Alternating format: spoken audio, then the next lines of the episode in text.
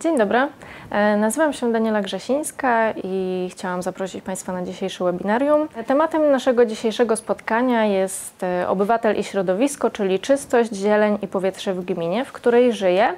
Co może gmina, co mogę ja, aby żyć e, w czystej i zielonej gminie. Ja dzisiaj przedstawię Państwu dwie pierwsze części. Pierwsza będzie dotyczyła zieleni miejskiej, natomiast druga odpadów. E, w części poświęconej zieleni miejskiej e, postaram się Państwu przybliżyć tematy związane z aktualnymi zasadami dotyczącymi wycinki drzew, które zmieniły się wraz z nowelizacją ustawy, która weszła w życie z 1 stycznia 2017 roku. E, opowiem Państwu także o możliwości reagowania na nieprawidłową wycinkę w przestrzeni publicznej i prywatnej co mieszkańcy mogą robić, aby chronić zieleń oraz kilka słów na temat pomników przyrody e, jako jednej z form ochrony e, drzew. Po pierwsze, jak wyglądają teraz przepisy dotyczące wycinki drzew? E, po pierwsze, warto wiedzieć, że wszystkie przepisy dotyczące ochrony drzew w Polsce, jak i przyrody są zawarte w ustawie o, o ochronie przyrody, która została znowelizowana E, a szczegóły dotyczące właśnie wycinki drzew e, znajdziemy w rozdziale czwartym Ochrona terenów zieleni i e, zadrzewień.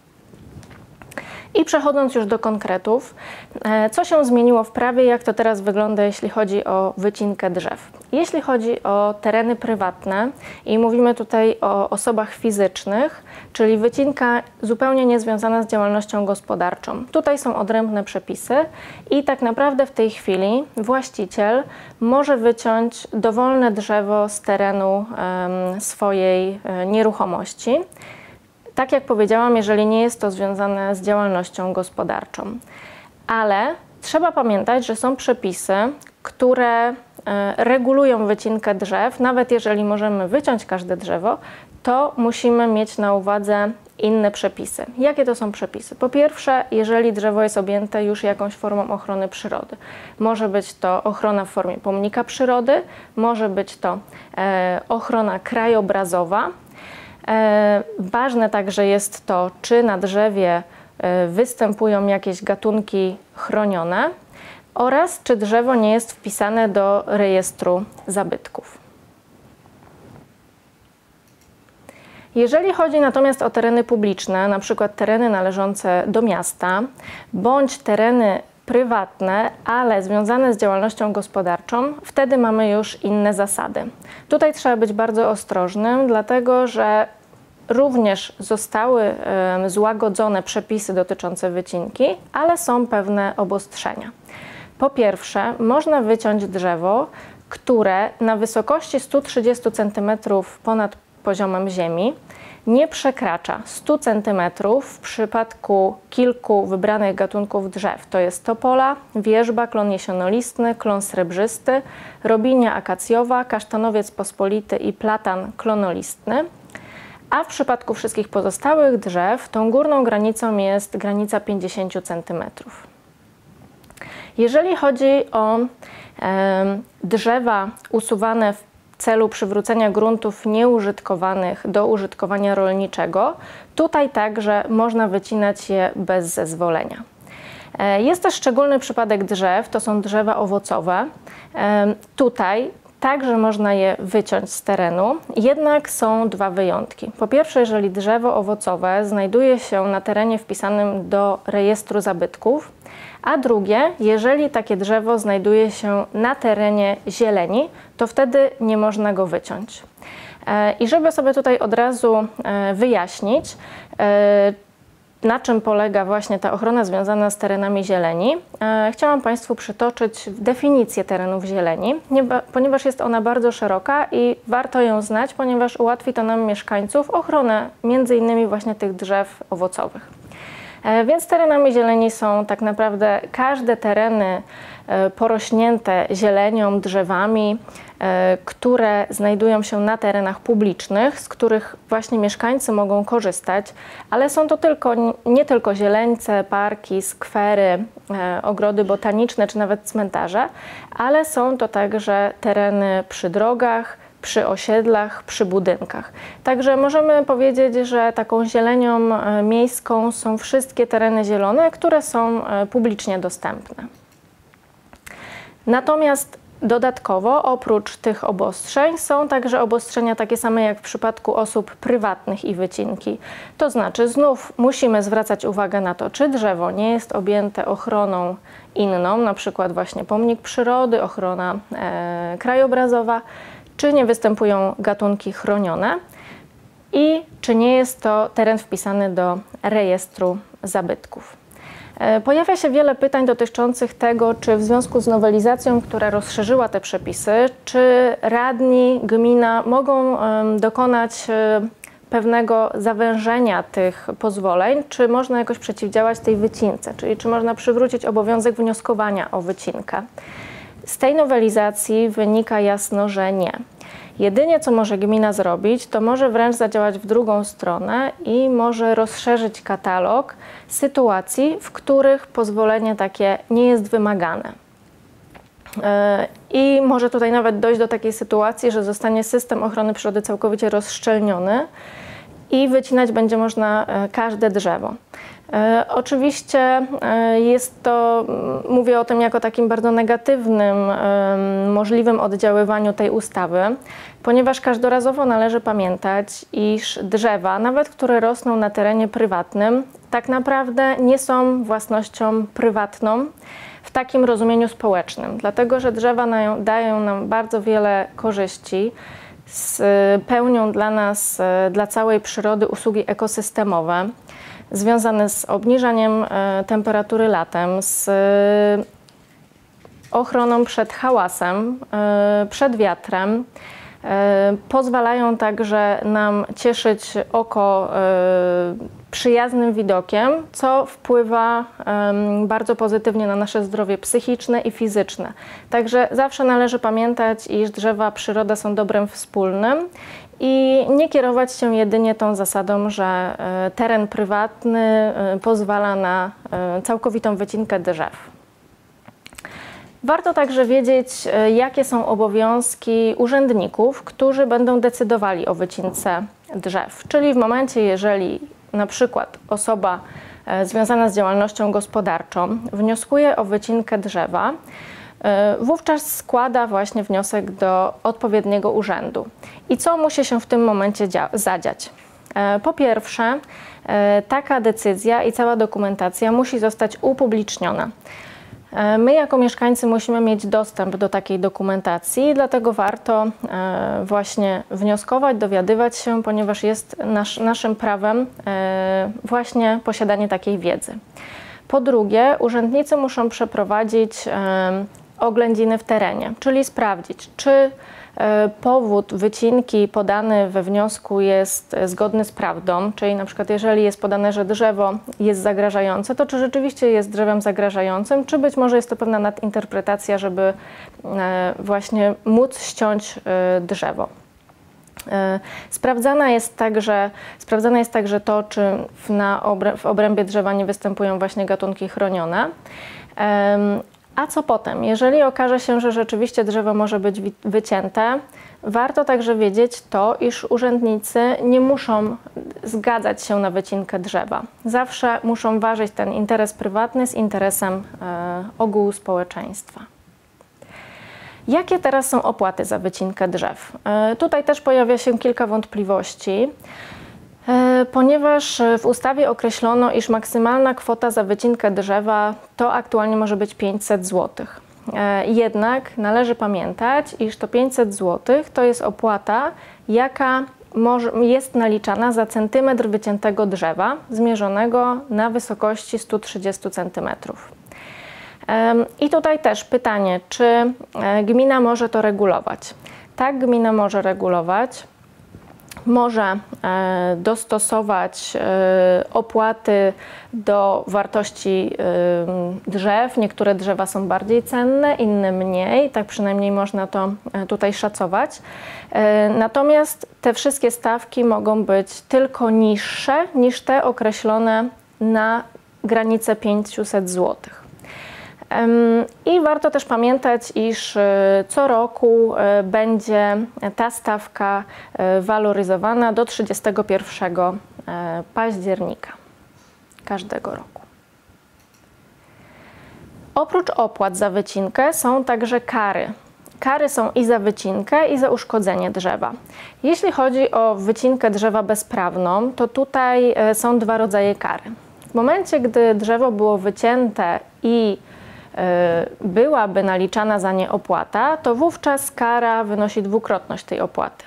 Natomiast jeżeli drzewo było wycięte jako drzewo, które nie musiało być obarczone opłatą, wówczas e, kara wynosi tyle, ile wynosiłaby ta opłata, gdyby jednak ona obowiązywała.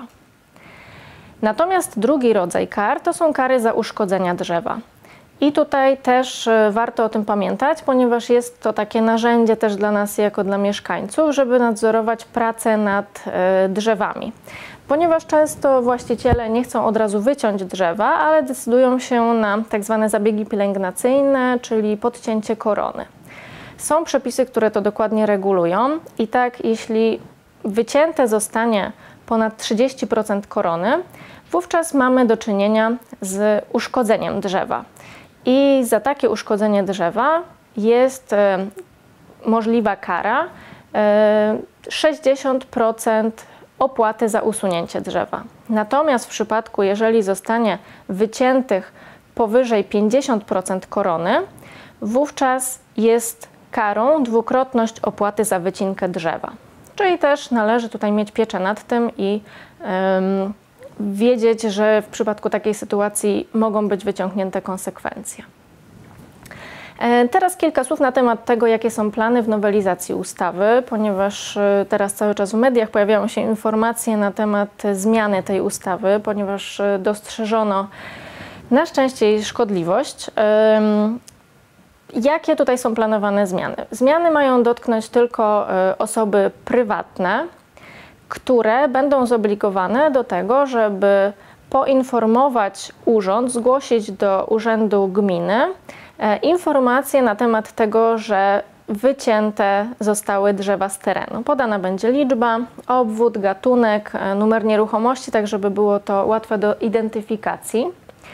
E, I te osoby przez 5 lat nie będą mogły zbyć takiej nieruchomości na rzecz podmiotu prowadzącego działalność gospodarczą. E, wiąże się to także z tym, że e, urzędnicy będą mogli wejść na taką działkę i sprawdzić prawidłowość przedstawionych danych.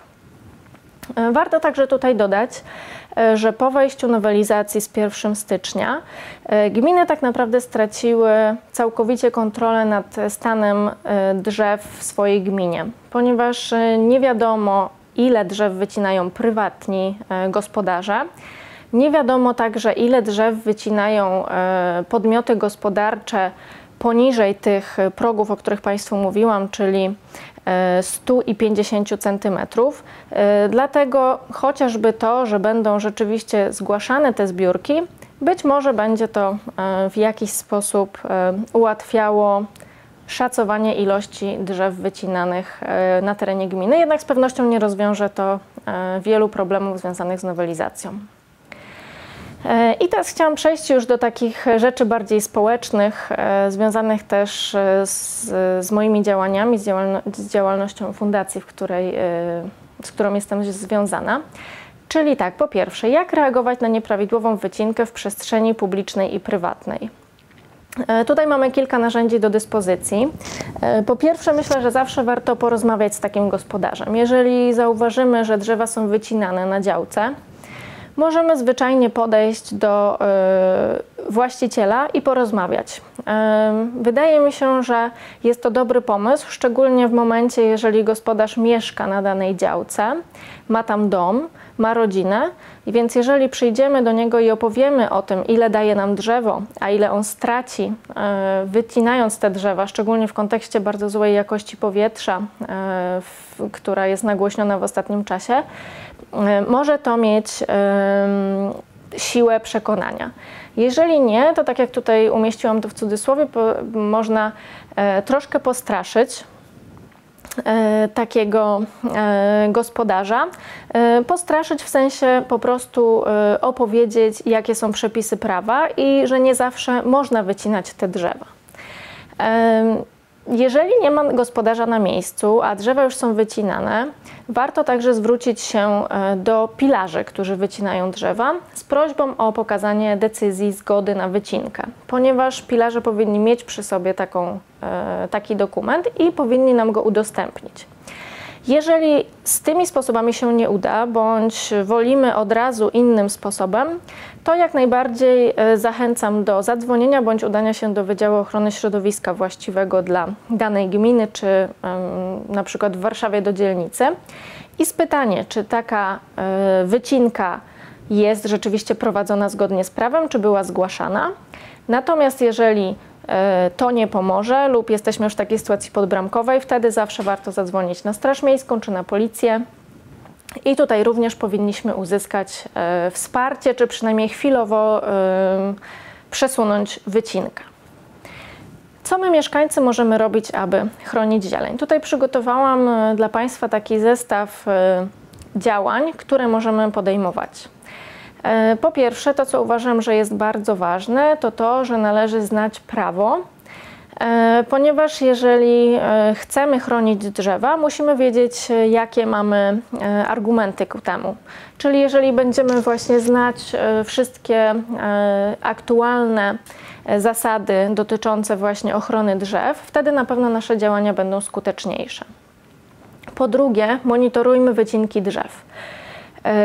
Można wnioskować o e, dostęp do dokumentów, ale wydaje mi się, że jeżeli mamy prawo do tego, żeby te dokumenty były umieszczane, ponieważ mamy prawo do informacji, to warto także wyjść z inicjatywą do burmistrza, wójta czy prezydenta o to, żeby ułatwił mieszkańcom dostęp do tych dokumentów i na przykład utworzył zakładkę na stronie właśnie urzędu dotyczącą przychodzących e, wniosków na wycinkę drzew. Ułatwi to nam pracę, pracę taką monitoringową, monitorującą naszą przyrodę e, w okolicy, a także ułatwi pracę urzędnikom, ponieważ jeżeli my będziemy mieli gotowe dokumenty na wyciągnięcie ręki, to wtedy nie będziemy zabierać czasu urzędnikom na to, żeby oni odszukiwali poszczególne dokumenty, do których my będziemy mieć od razu dostęp. E, po drugie, wnioskuj o dokumentację. E, no tutaj są e, dwie drogi. Jeżeli jesteśmy w takim, na takim etapie, że wiemy, że coś się dzieje, warto wnioskować o dostęp i do decyzji na wycinkę, i do tych dokumentów, o których wcześniej Państwu mówiłam, że muszą być zrealizowane, czyli między innymi o dokumentację z inwentaryzacji, z oględzin terenowych. No a jeżeli już drzewo zostało wycięte, Warto także wówczas zawnioskować o pakiet dokumentów razem z decyzją. W decyzji powinno być określone, jakie drzewa są wycinane, w jakim miejscu, e, co musi być e, posadzone w zamian lub e, opłata wniesiona i wtedy możemy także sprawdzić, czy cały proces przebiegał prawidłowo oraz czy drzewa, które zostały wycięte, to są właśnie te drzewa, które były wskazane w decyzji. Mm, warto także obserwować e, informacyjne gabloty osiedlowe. Dlaczego? Ponieważ e, ustawa mówi o tym, że każda spółdzielnia, wspólnota, która chce wyciąć drzewo, musi wcześniej poinformować o tym swoich mieszkańców w sposób zwyczajowo przyjęty, czyli przyjmujemy, że tutaj właśnie takie gabloty informacyjne są takim odpowiednim miejscem i muszą poinformować nas, pozostawiając 30 dni na uwagi.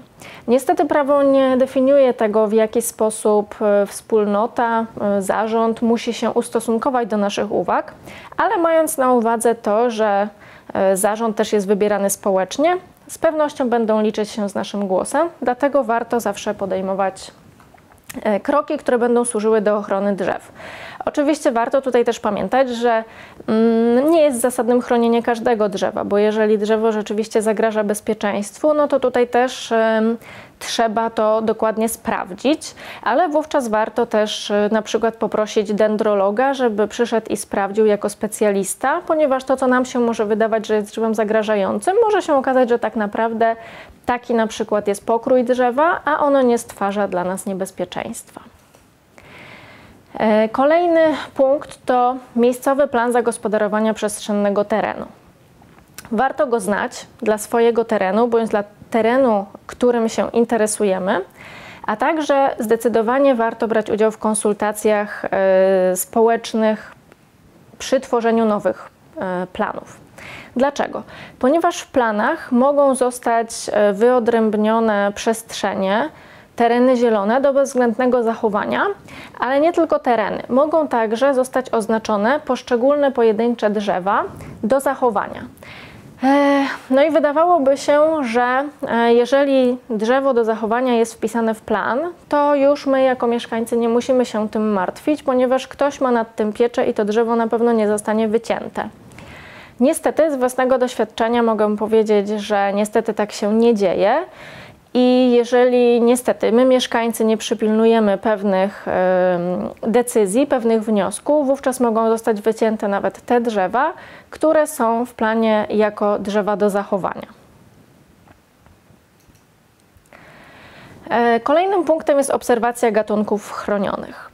Mm, dlaczego warto to robić? E, w związku z tym, że istnieje coś takiego jak ochrona e, gatunkowa, to warto gromadzić dane już wcześniej. Warto zapoznać się z wykazem chronionych gatunków, nie tylko ptaków, ale ogólnie chronionych gatunków i grzybów, nietoperzy, roślin, chrząszczy czy porostów. Oczywiście najłatwiej jest nam e, przebrnąć przez te, przez te przepisy związane z ochroną ptaków, ale ogólnie warto obserwować drzewa pod kątem występujących różnych ciekawych e, zjawisk, prowadzić nawet dokumentację fotograficzną i nawet zawczasu warto przesłać zdjęcia do Regionalnej Dyrekcji Ochrony Środowiska, pokazując, że na danym drzewie występuje właśnie takie na przykład ciekawe, e, zaobserwowane przez nas zjawisko.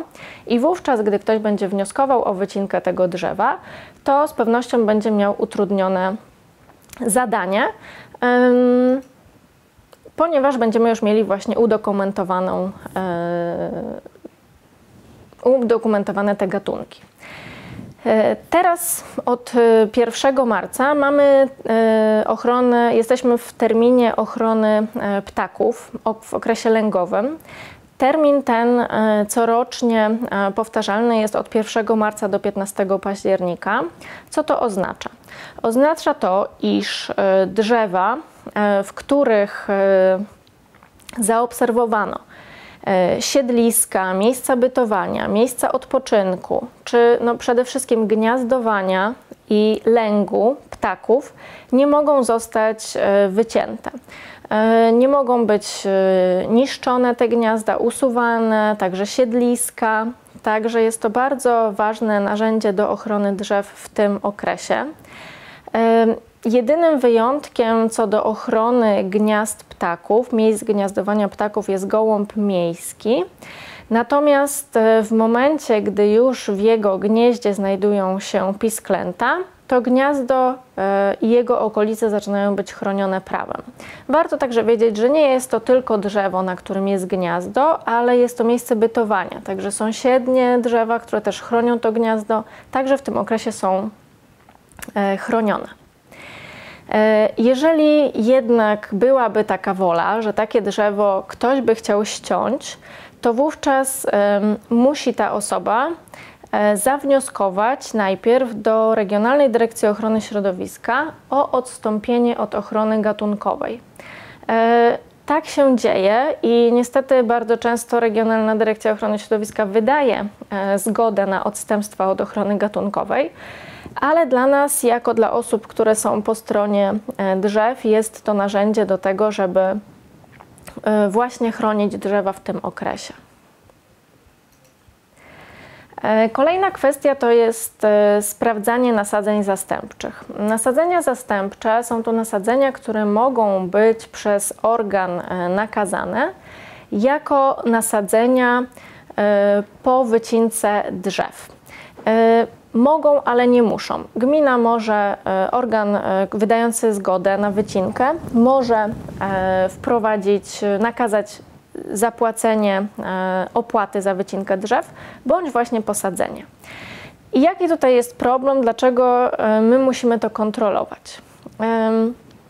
Z jednej strony kontrolujmy dlatego, żeby wiedzieć, czy drzewa zostały posadzone, natomiast z drugiej strony, też co jest bardzo ważne, jest to bardzo dużym problemem w miastach, to są drzewa posadzone bardzo kiepskiej jakości.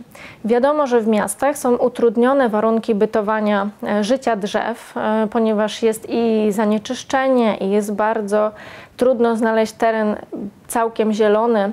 E, często są to jakieś miejsca poprzecinane chodnikami, drogami, także występuje zasolenie. Ciężko jest rosnąć drzewom, jeżeli są to sadzonki kiepskiej jakości i posadzone w nieprawidłowy sposób. Wychodząc temu naprzeciw, na przykład w Warszawie od końca grudnia istnieje dokument zwany standardami kształtowania zieleni Warszawy. W tym dokumencie jest dokładnie opisane, w jaki sposób drzewa powinny być sadzone, w jaki sposób powinny być chronione, że należy drzewo opalikować, przystosować mu misę, która powinna być wykorowana. E, można dodatkowo przy e, opalikowaniu umieścić taką siatkę, która będzie chronić młode drzewo przed psami e, oraz przed uszkodzeniami kosiarkami. Dlatego warto jest sprawdzić, czy w naszej gminie, w naszym mieście istnieje taki dokument, takie standardy i czy są one przestrzegane. Jest to bardzo ważne, ponieważ jak wskazały badania, które prowadziliśmy w fundacji w zeszłym roku, E, większość drzew, które sprawdzaliśmy w ramach nasadzeń zastępczych, była uszkodzona. Szczególnie częstymi uszkodzeniami są właśnie uszkodzenia od kosiarki. I jak wskazują właśnie najnowsze standardy, jeżeli drzewo ma zniszczoną korę e, w, na obwodzie powyżej 30%, wówczas kwalifikuje się ono do wymiany.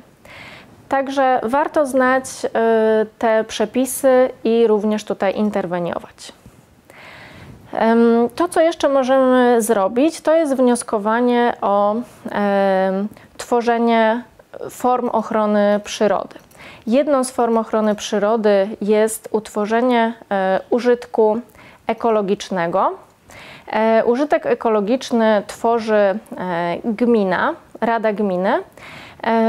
I jest to tutaj jakby użytkiem ekologicznym może być objęty teren pozostałości ekosystemów, które mają e, szczególne znaczenie dla zachowania różnorodności biologicznej. Tutaj chronione mogą być m.in. zadrzewienia śródpolne, kępy drzew, także też e, bardzo cenne e, obszary. I przechodząc do ostatniego punktu, czyli do pomników przyrody, Chciałam Państwu powiedzieć, w jaki sposób można powoływać, kto może wnioskować i na czym polega ta ochrona. Po pierwsze, jakie drzewo może być objęte ochroną? E, pomnikiem przyrody może zostać albo pojedyncze drzewo, albo mogą to być skupiska. Najczęściej mówimy tu o alejach, e, lub jeżeli jest to e, skupisko drzew po jednej stronie, na przykład ulicy, to jest to szpaler, więc właśnie tego typu zadrzewienia mogą również zostać objęte jako pomnik przyrody i powinny być one okazałych rozmiarów. Według ustawy minister powinien wydać rozporządzenie związane właśnie z rozmiarami drzew, e, w których, o które można wnioskować e, o objęcie ochroną. Jednak takiego rozporządzenia do dnia dzisiejszego nie ma.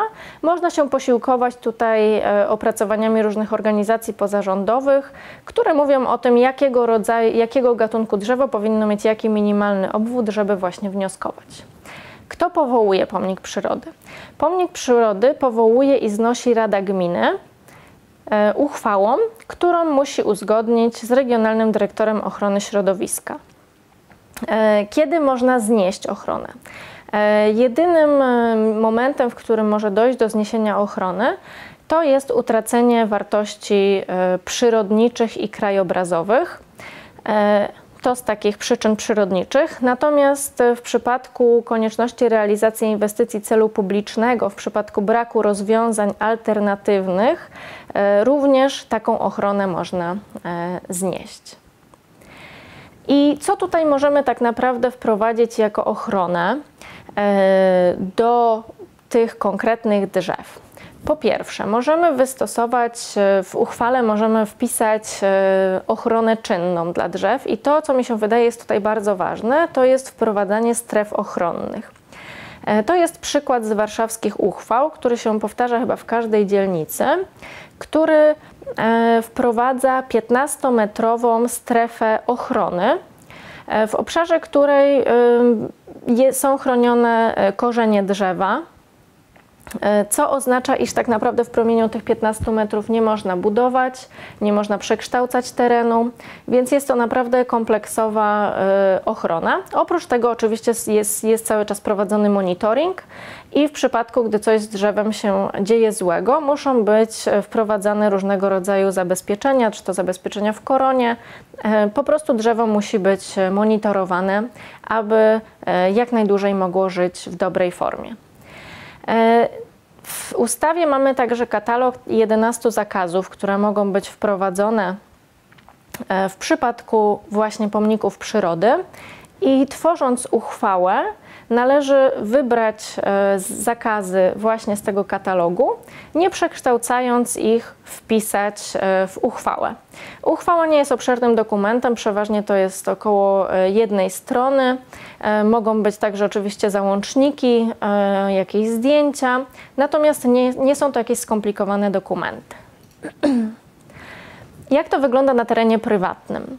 E, często słyszymy, że e, pomnik przyrody można ustanowić tylko na terenie publicznym.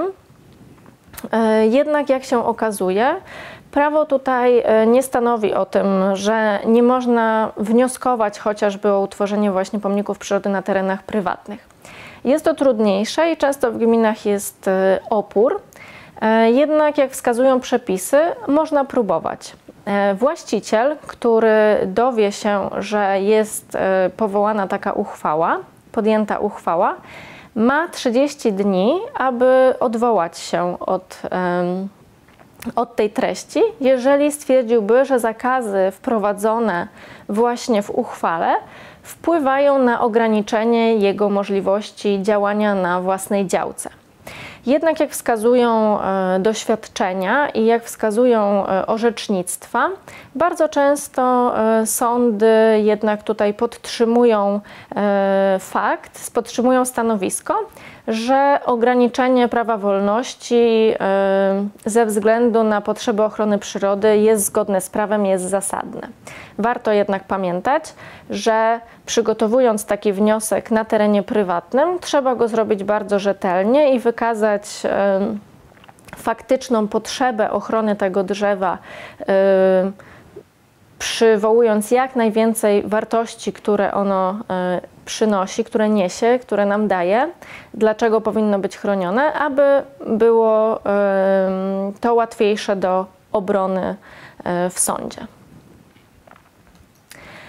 Natomiast od strony mieszkańca każdy z nas tak naprawdę może e, wnioskować do gminy o utworzenie pomnika przyrody E, jako drzewa, jako pomnik przyrody, drzewa, które jest nam bliskie, czy wiemy, że jest duże, boimy się o jego e, przyszłość, możemy wysłać e, w formie pisemnej, w formie elektronicznej wniosek Wniosek mogą Państwo znaleźć gotowy na stronie Fundacji Alter Eco.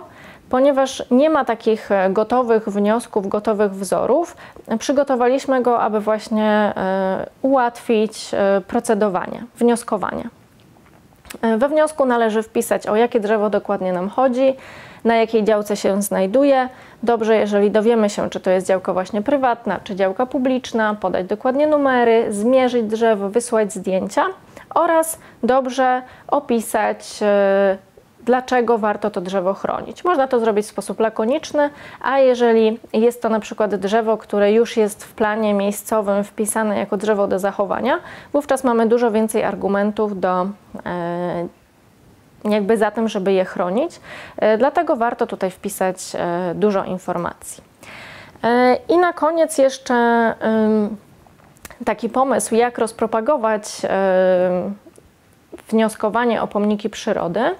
To jest pomysł, który jest zaczerpnięty z jednej z warszawskich dzielnic, która swego czasu właśnie ogłosiła taki konkurs dla szkół, konkurs czy takie działanie na to, aby e, każde dzieci z każdej szkoły, uczniowie z każdej szkoły przeszli się po terenie przy placówce czy przy miejscu swojego zamieszkania i sprawdzili, czy nie ma tam drzew, e, które można by było właśnie objąć ochroną pomnikową. E, I tutaj to by było na tyle, jeśli chodzi o te, teren, te kwestie związane z zielenią. Teraz chciałabym jeszcze Państwu opowiedzieć o e, części dotyczącej odpadów. Tutaj też e, jesteśmy w fazie zmian. Tutaj te zmiany dopiero do nas przyjdą, dlatego warto je znać i dobrze się przygotować. Trzy rzeczy, o których chciałabym teraz Państwu powiedzieć. E, to pierwsza odnosi się do tego, jakie zasady e, gospodarowania odpadami będą nas obowiązywały od 1 lipca 2017 roku. E, druga to jak reagować na wyrzucanie odpadów w lesie oraz w jaki sposób możemy przyczynić się do likwidacji dzikich wysypisk. I zaczynając od zmian w gospodarowaniu odpadami, to tak, po pierwsze, y, tutaj ustawą, która reguluje e, kwestie związane z gospodarowaniem odpadami, jest e, ustawa o utrzymaniu czystości i porządku w gminach. Natomiast w gminach jest to regulamin utrzymania czystości i porządku w gminach, który gminy te uchwalają. E, natomiast dokument, który pojawił się ostatnio, w grudniu 2016 roku, to jest rozporządzenie ministra środowiska w sprawie szczegółowego sposobu selektywnego zbierania wybranych frakcji odpadów. Więc mówimy tutaj tylko o odpadach e, selektywnie zbieranych, segregowanych. Co ważne, co wprowadza ta ustawa, to to, że nareszcie do, doczekaliśmy się ujednolicenia przepisów segregacji dla całej, dla całej Polski. W tym momencie mamy taką sytuację, że w mieście e, A segregujemy odpady na przykład na mokre i suche, natomiast w mieście B oddalonym na przykład o 2 km segreguje się w podziale na cztery frakcje. Ciężko jest się dostosować nawet wyjeżdżając na wakacje. Ludzie są zdezorientowani. E, dlatego pod tym względem ten, ta zmiana na pewno jest e, pożądana i zasadna. Jakie zmiany nas czekają? E, rozporządzenie wskazuje, iż e, spośród segregowanych odpadów, które będziemy, e, odpadów komunalnych, do których segregacji będziemy zobowiązani, to jest papier, metal, tworzywa sztuczne, w tym opakowania wielomateriałowe, czyli tak zwane głównie tetrapaki, opakowania, w których można kupić mleko lub sok, szkło, oraz nowość, to czego w większości miast, szczególnie właśnie w miastach, nie było w zabudowie wielorodzinnej, to odpady ulegające biodegradacji ze szczególnym uwzględnieniem bioodpadów. I jak to będzie wyglądało, jeśli chodzi o kolory pojemników oraz worków? Tutaj jest już troszkę łatwiej, ponieważ e, dwa e, typy odpadów zostały ze sobą połączone, dlatego wyróżniamy cztery e, kolory koszy. Po pierwsze mamy kosz niebieski na papier i tekturę, czyli to jest właśnie papier, tektura oraz opakowania z tektury i papieru. E, kolor zielony, szkło. To są opakowania szklane. I warto tutaj też pamiętać, że do koszy pojemników na odpady e, szklane nie wrzucamy ani połamanych szyb, ani luster, tylko właśnie to jest e, typowe, można powiedzieć, szkło. Tutaj minister dopuszcza także e, taki podział, że gmina może rozszerzyć segregację szkła na szkło bezbarwne, które będziemy wrzucać do pojemników białych i szkło kolorowe, które będziemy wrzucać do pojemników zielonych. Jeżeli gmina pozostanie przy tym, aby zbierać szkło razem, będzie to właśnie kolor e, zielony. E, kolor żółty jest zarezerwowany dla metali oraz tworzyw sztucznych, w tym właśnie tych tetrapaków, e, przepraszam, tych opakowań wielomateriałowych, w tym tetrapaków oraz odpady biologiczne. Tutaj będzie napis bio E, jest to pojemnik brązowy. E, I tutaj będziemy wrzucali e, odpady roślinne, resztki, odpady organiczne. Trzeba pamiętać o tym, że przynajmniej tak jak jest teraz w wielu gminach, nie będzie można do tego typu pojemników wrzucać żadnych resztek pochodzenia zwierzęcego i różnych innych materiałów, na przykład y, odchodów zwierząt czy jakichś niedopałków papierosów, więc te rzeczy będą nam jeszcze pozostawały do kolejnego y, pojemnika.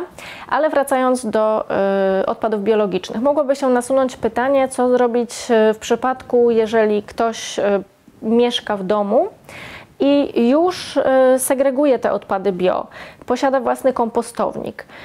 I tutaj zwróciłam się z zapytaniem do Ministerstwa Środowiska i otrzymałam informację, że e, stanowisko ministerstwa jest takie, że osoby te będą mogły nadal kompostować w domu i nie oddawać tych odpadów, ale jednocześnie gmina będzie musiała umożliwić odbiór odpadów biologicznych tym, którzy nie kompostują. Czyli znowuż te rzeczy, te sprawy będą regulowane w regulaminie utrzymania czystości i porządku w gminach, które będą musiały być rozpisane od nowa.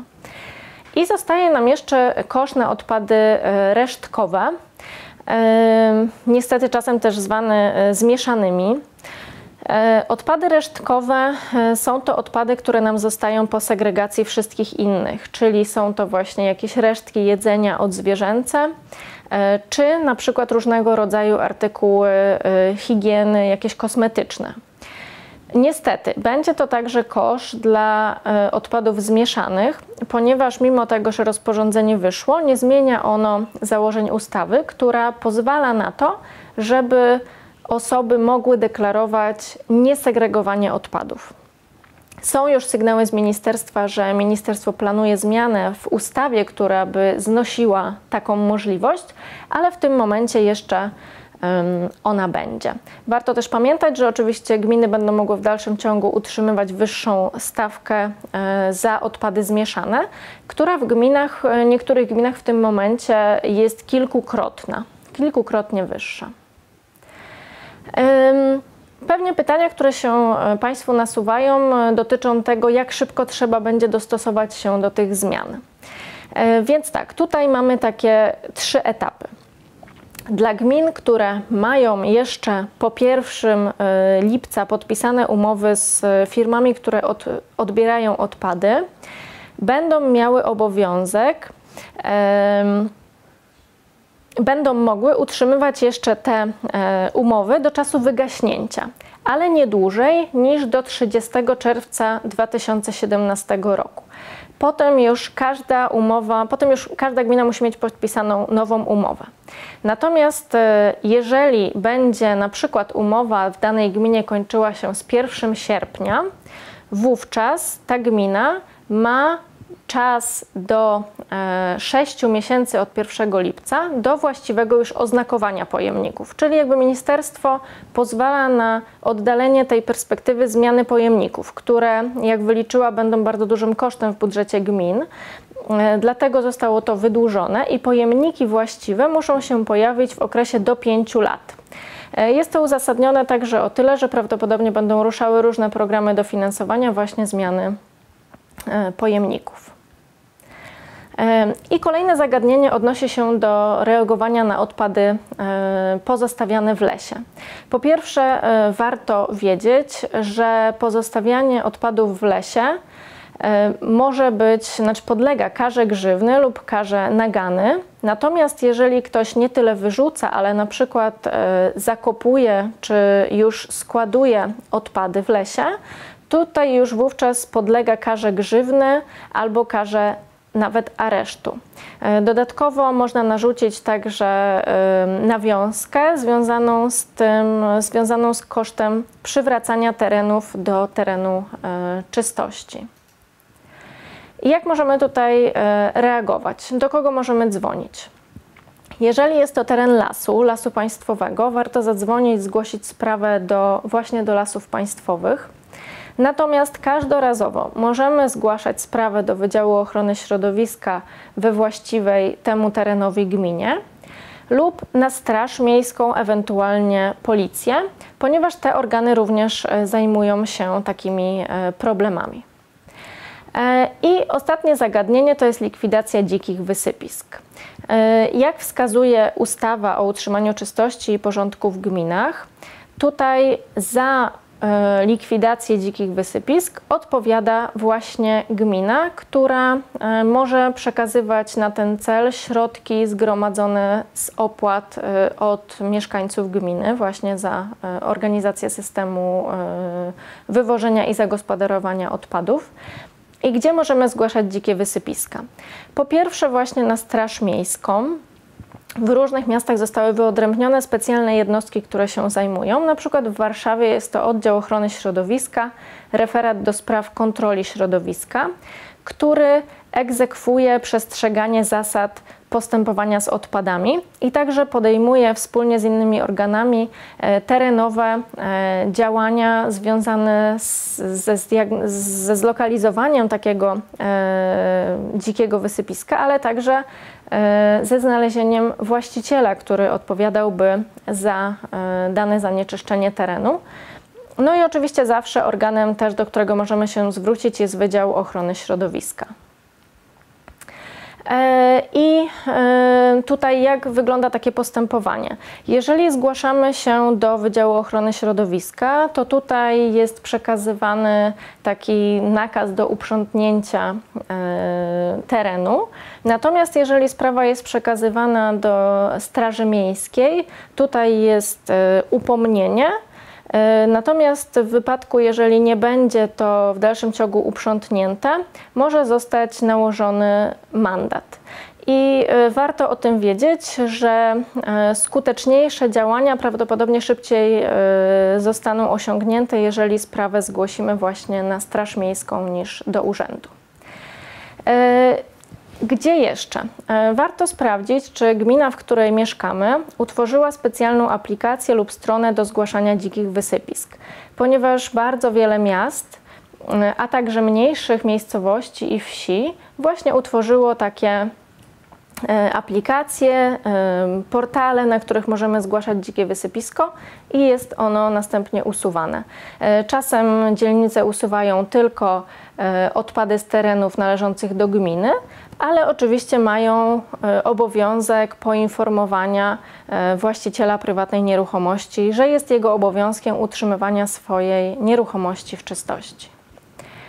E, I to wszystko z mojej strony. Mm, dziękuję Państwu za uwagę. I poproszę o pytania od Państwa. Mm, pytanie, czy jest mapa występowania gatunków chronionych e, dla Warszawy? Mm, znaczy, ciężko mi tutaj odpowiedzieć, ponieważ e, takiej mapy nie ma, ze względu też na to, że e, najczęściej są to jednak w przypadku na przykład ptaków, no są to można powiedzieć mobilne obiekty i w przypadku ogólnie zwierząt. E, natomiast tak, jeżeli chodzi o gatunki chronione, to mm, jest na pewno, mapa nie, natomiast jest wykaz e, wszystkich terenów chronionych, w tym także pomników przyrody. Więc tutaj może być to dla nas e, wyznacznikiem. Natomiast jeżeli chodzi o gatunki chronione, to gatunki chronione są w całej Polsce takie same, dlatego e, warto zapoznać się z rozporządzeniami, żeby wiedzieć, które z nich są chronione. Natomiast mapy jako takiej e, nie ma, przynajmniej ja nie słyszałam nic o takiej mapie. Czy Fundacja Altereco nawiązuje współpracę w zakresie gospodarki odpadowej jako partner? E, tak, natomiast tutaj zależy też e, z jakim podmiotem, ponieważ my jako fundacja e, po pierwsze wspieramy gminy w realizacji e, swoich zadań.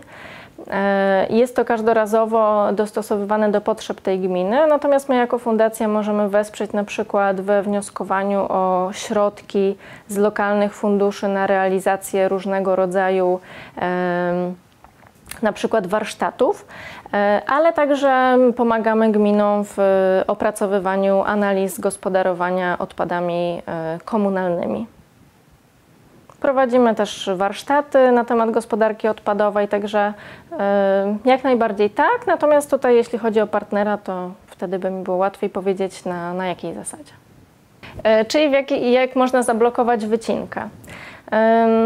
No więc tutaj też, tak jak Państwu opowiadałam, po kolei zależy to, na jakim jesteśmy etapie. Jeżeli jest już etap taki, że y, są pilarze na drzewie, to y, tak jak mówiłam, możemy podejść do nich i poprosić o decyzję na wycinkę, żeby sprawdzić, czy jest ona zgodna z prawem. E, natomiast właśnie jeżeli wiemy, że wycinka jest planowana, to musimy wykorzystać wszystkie narzędzia, o których wcześniej mówiłam. Pan tutaj też pytał właśnie o te gatunki chronione. Dlatego warto e, pójść e, do tego drzewa, na to miejsce i sprawdzić dokładnie. Jeżeli Pan pyta też o gatunki chronione, to warto wcześniej zobaczyć, co jest takimi gatunkami chronionymi, jeżeli chodzi właśnie nie tylko o ptaki, bo jeżeli chodzi o ptaki, to każdy ptak, który w tym momencie nawet bytuje na drzewie, daje nam już pewnego rodzaju punkt zaczepienia do tego, żeby zablokować wycinkę. Jeżeli widzimy, że właśnie e, ptaki bytują na danym drzewie, najlepiej jest zrobić zdjęcia, wysłać mailem i do Wydziału Ochrony Środowiska i do e, Regionalnej Dyrekcji Ochrony Środowiska, żeby mieć potwierdzenie na to. No i też warto dzwonić, e, pisać. Zależy od tego też, zależy jaka, jaki to jest etap tej wycinki, tak? Bo byłoby też mi łatwiej powiedzieć, jeżeli bym wiedziała właśnie o jaki etap chodzi. Ale dużo jest możliwości, których możemy się chwytać. Co jeśli osoba prywatna składuje śmieci na swoim prywatnym, w swoim prywatnym domu, cierpi na zaburzenie psychiczne? Hmm. Tutaj chodzi o dom, a nie jakby teren dookoła domu, tak? Hmm. Ogólnie w regulaminach utrzymania czystości e, jest zawarta informacja, że każdy mieszkaniec musi utrzymywać teren swojej nieruchomości w czystości i w porządku.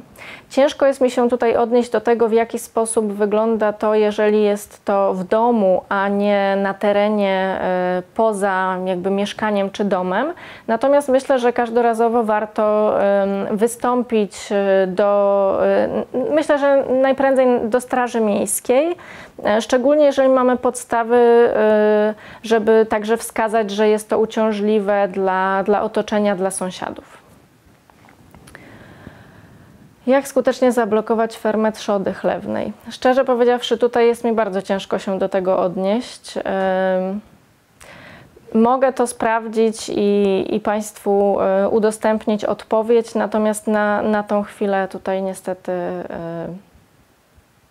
nie potrafię odpowiedzieć.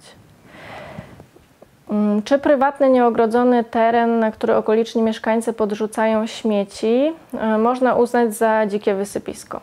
Tak, jak najbardziej. Tutaj jest właśnie, to jest można powiedzieć, taka dwupoziomowa sprawa, ponieważ po pierwsze, jeśli jest to teren prywatny, a nie teren gminy, to tutaj obowiązek oczyszczenia terenu ma właściciel.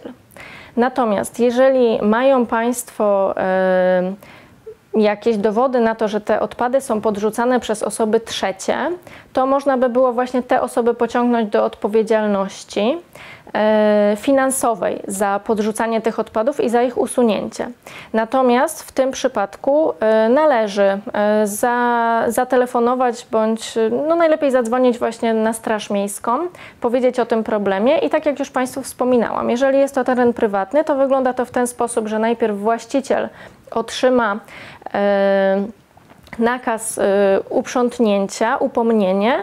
Jeżeli nie, to otrzyma mandat. Natomiast jeżeli wykaże, że jest to jakieś działanie osób trzecich, wówczas z pewnością y, zostanie y, tutaj podjęte jakieś inne działanie. Być może gmina usunie takie wysypisko dzikie, ale musiałyby być na to dowody, że jakby nie, nie podrzuca tego sam właściciel, ale osoby trzecie. E, możliwość objęcia danego obszaru ochroną jako frontchen. E, tak, więc tutaj ja mówiłam Państwu o e, ochronie jako użytek ekologiczny. Mm, Rada Gminy może podjąć uchwałę w tej sprawie. Mhm. Tak, Pani tutaj mówi o starorzeczu martwej odnogi rzeki. Więc tak, jeśli chodzi o użytek ekologiczny, to nawet w Warszawie właśnie różne fragmenty jeziorek y, czy lasów są objęte tymi użytkami ekologicznymi, więc myślę, że jak najbardziej. Ale tutaj y, może Pan także spróbować, jeżeli jest to jakiś większy teren, zawnioskowanie, zawnioskować o utworzenie obszaru chronionego krajobrazu. To już dotyczy większych połaci, dlatego właśnie tak jak Pan tutaj wspomina, starorzecze myślę, że jak najbardziej by się kwalifikowało. E, jak wygląda procedura? E, procedura wygląda w ten sposób, że e, ja na Pana miejscu zwróciłabym się do Rady, do radnych o to, żeby właśnie oni podjęli temat, ponieważ tak jak tutaj Państwu wspominałam, właśnie Rada Gminy uchwala, więc należałoby do Rady się e, zwrócić, znaleźć może osobę, która jest członkiem lokalnej komisji e, do spraw środowiska przyrodniczego. e, i ona wtedy mogłaby, tak jak to Pan tutaj powiedział, ruszyć temat.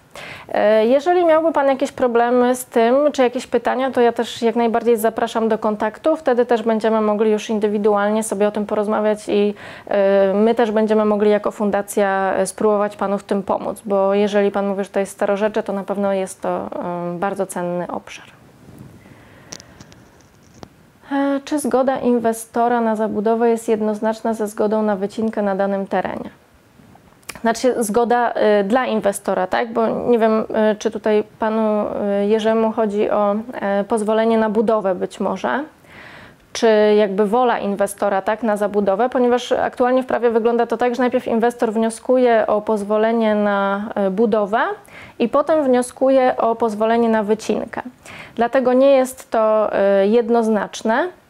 E, ze sobą i e, warto tutaj też w tym momencie, jeżeli na przykład wiemy, że jakiś inwestor ma już pozwolenie na budowę, zawnioskować o e, wniosek na wycinkę, ponieważ nie jest to jednoznaczne. Tutaj Wydział Ochrony Środowiska w dalszym ciągu może prowadzić działania zmierzające do tego, żeby e, ochronić drzewa.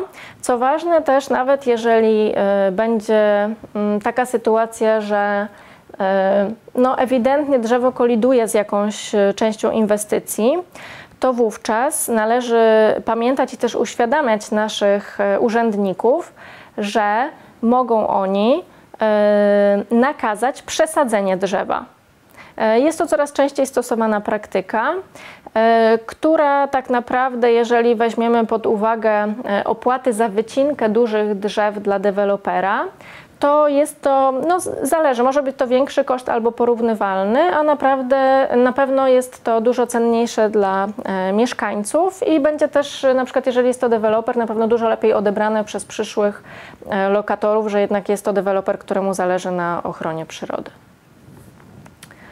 E, kiedy policja wymaga zgody z innej instytucji, gdy wycinka jest niezgodna z prawem?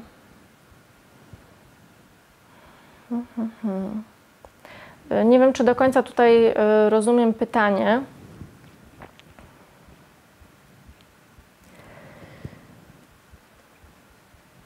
Mm, myślę, że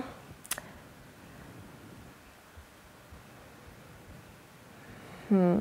Znaczy, wygląda to w ten sposób, że y, jest prawo, tak, w którym mamy określone y, pewne ramy. Zatem w momencie, kiedy przyjeżdża policja i y, jest ewidentnie sprawa związana z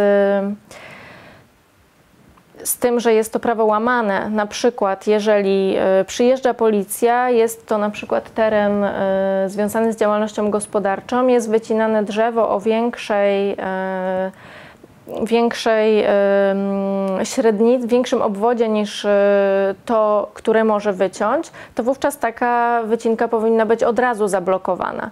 Wiem, że są takie przypadki, że policja jakby nie chce tego blokować, e, ale ma taki obowiązek. Tak? Jej zadaniem jest przestrzeganie prawa, zatem powinna taką wycinkę zablokować. Mm. Mhm, tak to jeszcze pan Wojciech pisze, że policja czekała na obecność inspektorów ochrony środowiska, aby uznali za niezgodną z prawem. E, no tutaj też jeszcze to jest taki aspekt, który warto poruszyć, że w momencie, którym e, wiemy, że coś się dzieje nie tak, na przykład jeżeli e, wiedziałby Pan, że jest prowadzona wycinka drzewa, na którym jest gniazdo, to y, warto przygotować sobie y, nazwę odpowiedniego rozporządzenia, nawet nie wiem, wydrukować czy wypisać y, dokładnie o co w nim chodzi. Wtedy, jeżeli przekażemy to policji do rąk, wówczas ona wie już czym się dokładnie posiłkować. Więc moim zdaniem w tym momencie, według prawa, ona powinna tą wycinkę zatrzymać.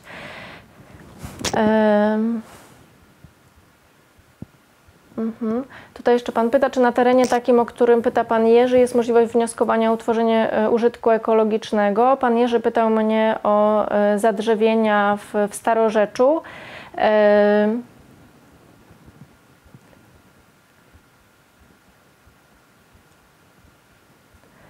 Jeżeli y, to jest ten pan, który pytał o zadrzewienia w Starorzeczu, to tak jak najbardziej można wnioskować o, o, utworzenie użytku ekologicznego, ponieważ użytek ekologiczny obejmuje e, fragmenty y, cennych przyrodniczo terenów, które służą ochronie bioróżnorodności, więc jak najbardziej tak. Mhm. E, tak, więc pan Wojciech to jeszcze pisze, że pyta o to wszystko w kontekście tworzonej mapy kodu i Polski, e, więc ja tylko mogę tutaj właśnie e, powiedzieć, iż wczoraj kontaktowałam się z Państwem propos tego, że chętnie pomogę w, w opracowaniu, jakby w pomocy w sprawdzaniu, testowaniu tej mapy od strony osoby nietechnicznej, ale związanej z ochroną środowiska, także jak najbardziej ja zapraszam do, do kontaktu, będę jak najbardziej mogła pomóc. Mhm. Jakie portale o środowisku Pani poleca?